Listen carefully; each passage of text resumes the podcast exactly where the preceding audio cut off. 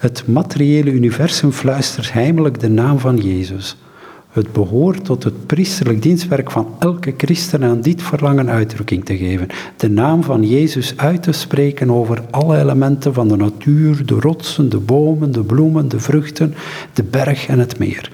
Het behoort tot het dienstwerk om een antwoord te geven op deze lange, woordeloze en onbewuste verwachting.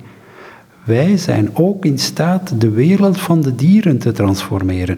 Jezus die verkondigt dat geen mus door de Vader vergeten wordt, sluit de dieren niet uit van zijn goedheid en zijn invloed.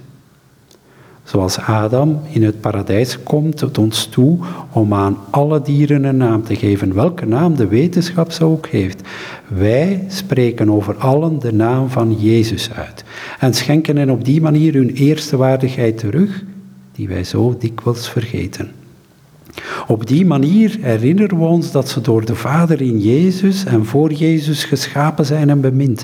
Maar het is vooral in relatie tot de mensen dat de naam van Jezus ons zal helpen in het dienstwerk van de transfiguratie. Het gaat hier over een concrete en krachtige manier die ons helpt om mensen om te vormen in hun diepste en goddelijke werkelijkheid. Die mannen en vrouwen die we ontmoeten op straat, in de fabriek, op kantoor. En vooral zij die ons irritant en onsympathiek overkomen.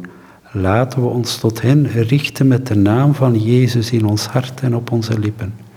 Laten we hen heel stilletjes aanspreken met die naam die hun echte naam is. Door de stille erkenning en aanbidding van Jezus, die gevangen zit in de zondaar, in de misdadiger in de prostituee, bevrijden wij op een of andere manier zowel deze arme gevangen als onze meester. Als we Jezus zien in elke mens, als we de naam Jezus uitspreken over elke mens, dan zullen we door de wereld gaan met een nieuwe gezindheid. Zo kunnen wij, in de mate dat Hij in ons is, de wereld veranderen.